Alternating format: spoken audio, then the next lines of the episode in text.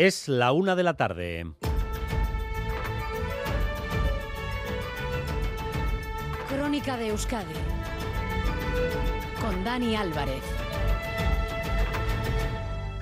A Rachaldeón, hoy es el día. El Parlamento español ya no solo es la casa del debate de las ideas, también se convierte en la casa del plurilingüismo, adoptando una diversidad que es normal, por ejemplo, en el Parlamento vasco desde hace más de 40 años. Gure nortasun propioa dugulako eta komunitate propio bat osatzen dugulako. Hamarkadetan ukatu zaigun izaera gaur bete-betean nabaritzen ari delako. Un estat que té aquesta extraordinària diversitat lingüística i cultural i la maltracta d'aquesta manera simplement no la mereix.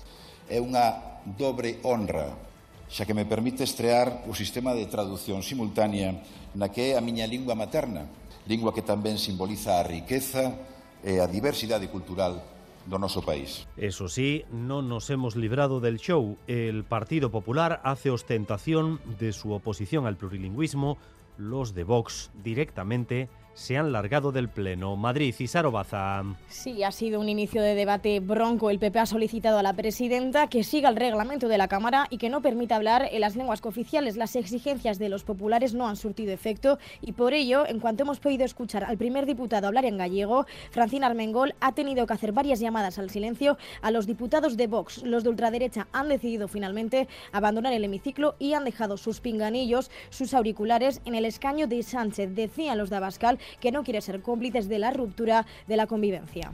Esto en el Congreso. En Bruselas, la decisión sobre las lenguas se mete en la nevera. Las reticencias de varios países han recomendado que la cooficialidad no se vote hoy a la espera de convencer a quienes todavía tienen dudas. Sin embargo, hemos tenido un nuevo giro de guion.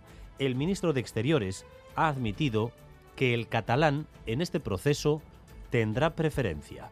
Primero el catalán y luego, ya si eso, las demás. Y hemos propuesto iniciar su despliegue primero con el catalán y seguidamente con las otras dos lenguas. No es casualidad, los votos de Junts y Esquerra son imprescindibles, como saben, para la investidura de Pedro Sánchez. Suman 14 votos, pero Euskal Herria Bildu, PNV y Bénega son otros 12. Este trato preferente ha logrado que una de las portavoces más beligerantes de Junts, Miriam Nogueras, haya hecho algo no escuchado desde que Puigdemont se fue al exilio, que le agradezcan algo al gobierno de España. Avui el català està molt més a prop de ser una llengua oficial a la Unió Europea. Hem elevat el debat, l'hem situat a les més altes instàncies europees. Ara acabem d'escoltar el ministre, a qui també reconeixem l'esforç que ha fet Reconocemos al ministro el esfuerzo que ha hecho, lo dice una de las principales portavoces de Junts. ¿Y qué se dice aquí de este trato preferente al catalán? Pues el gobierno vasco no desea que se abran grietas entre lenguas, pero sí expresa que esta reclamación ha existido aquí desde hace muchos, muchos años. Igual no lo sabe el señor, el ministro Álvarez, pero creo que sí lo conoce la sociedad vasca. Nuestras instituciones han planteado muchas peticiones durante todos estos años con respecto al reconocimiento del euskera. No se trata de entrar en un debate entre lenguas. Europa será plurilingüe o no será. Creo que la puerta que hoy se ha abierto es un camino que deberemos transitar.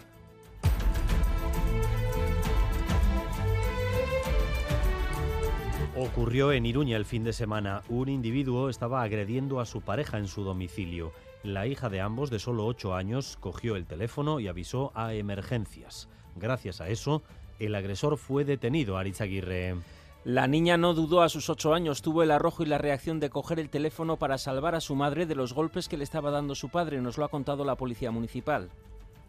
El varón en este caso comenzó a insultar y agredir tirándole el pelo y demás a la mujer. La niña cuando vio la situación que se estaba produciendo, un maltrato hacia su madre, decidió tomar el teléfono, llamó al 112.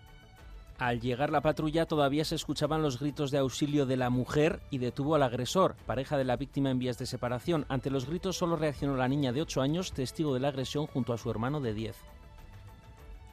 Y en la localidad extremeña de Almendralejo, decenas de familias están horrorizadas por ese caso de acoso a chicas a través de Internet. Decenas de ellas, menores, se han encontrado con montajes en los que sus caras se han colocado eh, mediante inteligencia artificial en cuerpos desnudos. Los autores, cuya identidad de momento se desconoce, usaron un programa especial de inteligencia artificial y las familias tratan de parar la difusión. Pero ahora toca preguntarse también cómo actuar legalmente contra quienes utilizan la inteligencia artificial para hacer el mal. Xavier Madariaga. Sí, algunos de los que difundieron esas imágenes han pedido perdón y han frenado la bola de difusión de esas fotos que no hacen más que daño a las adolescentes y sus familias. Nuestro afán de que escuchen los niños y que no compartan nada, que también tiene delito, que por favor que paren ya.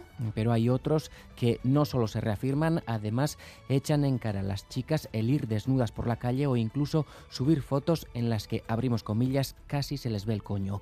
Hay ya siete denuncias puestas que sepamos, al ser menores se enfrentan a internamiento o cursos de reeducación. Y en la página cultural sobresale el Festival de Cine Biarritz América Latina, que va a poner el foco este año en Chile, pocos días después de haberse cumplido 50 años del golpe de Estado de Augusto Pinochet y de la muerte del presidente Allende. El festival recordará a Chile a través del cine, de los encuentros universitarios y de reuniones literarias, con dos invitados de excepción, el cineasta Costa Gabras y la escritora en castellano más leída del mundo, Isabel Allende.